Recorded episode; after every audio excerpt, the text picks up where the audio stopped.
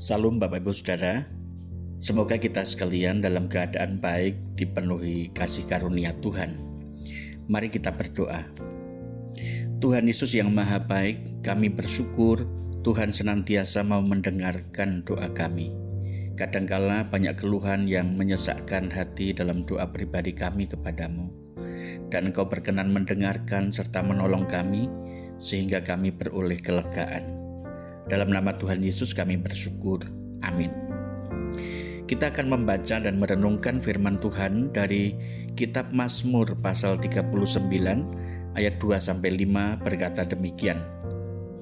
Pikirku, aku hendak menjaga diri supaya jangan aku berdosa dengan lidahku. Aku hendak menahan mulutku dengan kekang selama orang fasik masih ada di depanku. Aku keluh, aku diam, Aku membisu, aku jauh dari hal yang baik, tetapi penderitaanku semakin berat. Hatiku bergejolak dalam diriku, menyala seperti api ketika aku berkeluh kesah. Aku berbicara dengan lidahku, "Ya Tuhan, beritahukanlah kepadaku ajalku dan apa batas umurku, supaya aku mengetahui betapa fanannya aku." Benarkah diam itu selalu emas? Kita mendengar peribahasa diam itu emas. Apakah dalam kehidupan kita diam itu selalu baik? Bagaimana kalau kemudian kita berada di tengah orang-orang yang selalu menyuarakan kejahatan? Apakah menahan mulut dan berdiam itu sebuah sikap yang benar? Saudaraku, Mungkin peribahasa ini cocok jika kita sedang menghadapi orang yang suka bertengkar dan mau menangnya sendiri. Lebih baik kita menahan diri untuk tidak merespon dengan berbicara yang tidak perlu.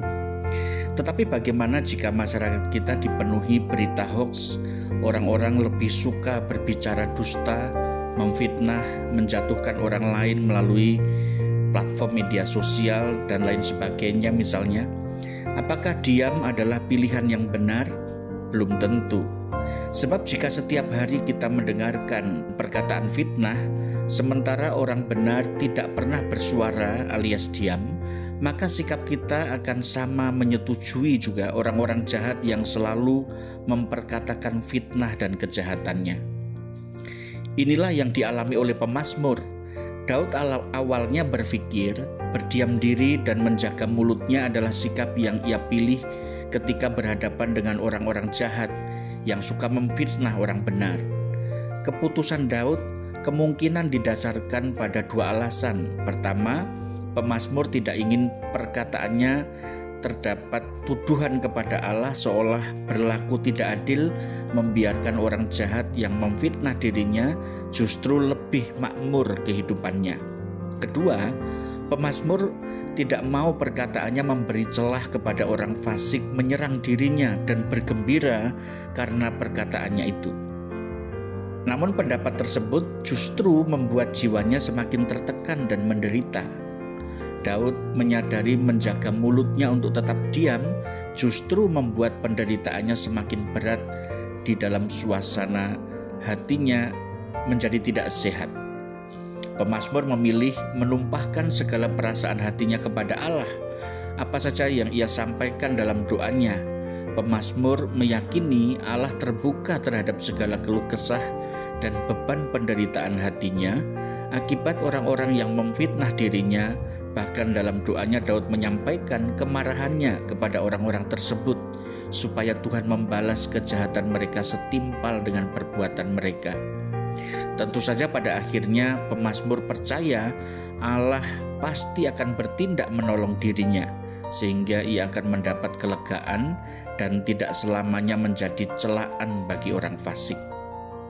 Ada waktu diam itu emas ketika kita berhadapan dengan orang-orang yang suka bertengkar, suka memfitnah orang lain. Tetapi ada waktunya kita berbicara kebenaran untuk membungkam orang-orang yang suka memfitnah kehidupan orang lain. Jika hati kita merasa begitu sesak beban yang kita alami karena kejahatan orang lain, Mari datang kepada Tuhan, berbicara dengan Dia apa saja yang kita rasakan, supaya kita mendapatkan kelegaan dan jalan keluar. Amin.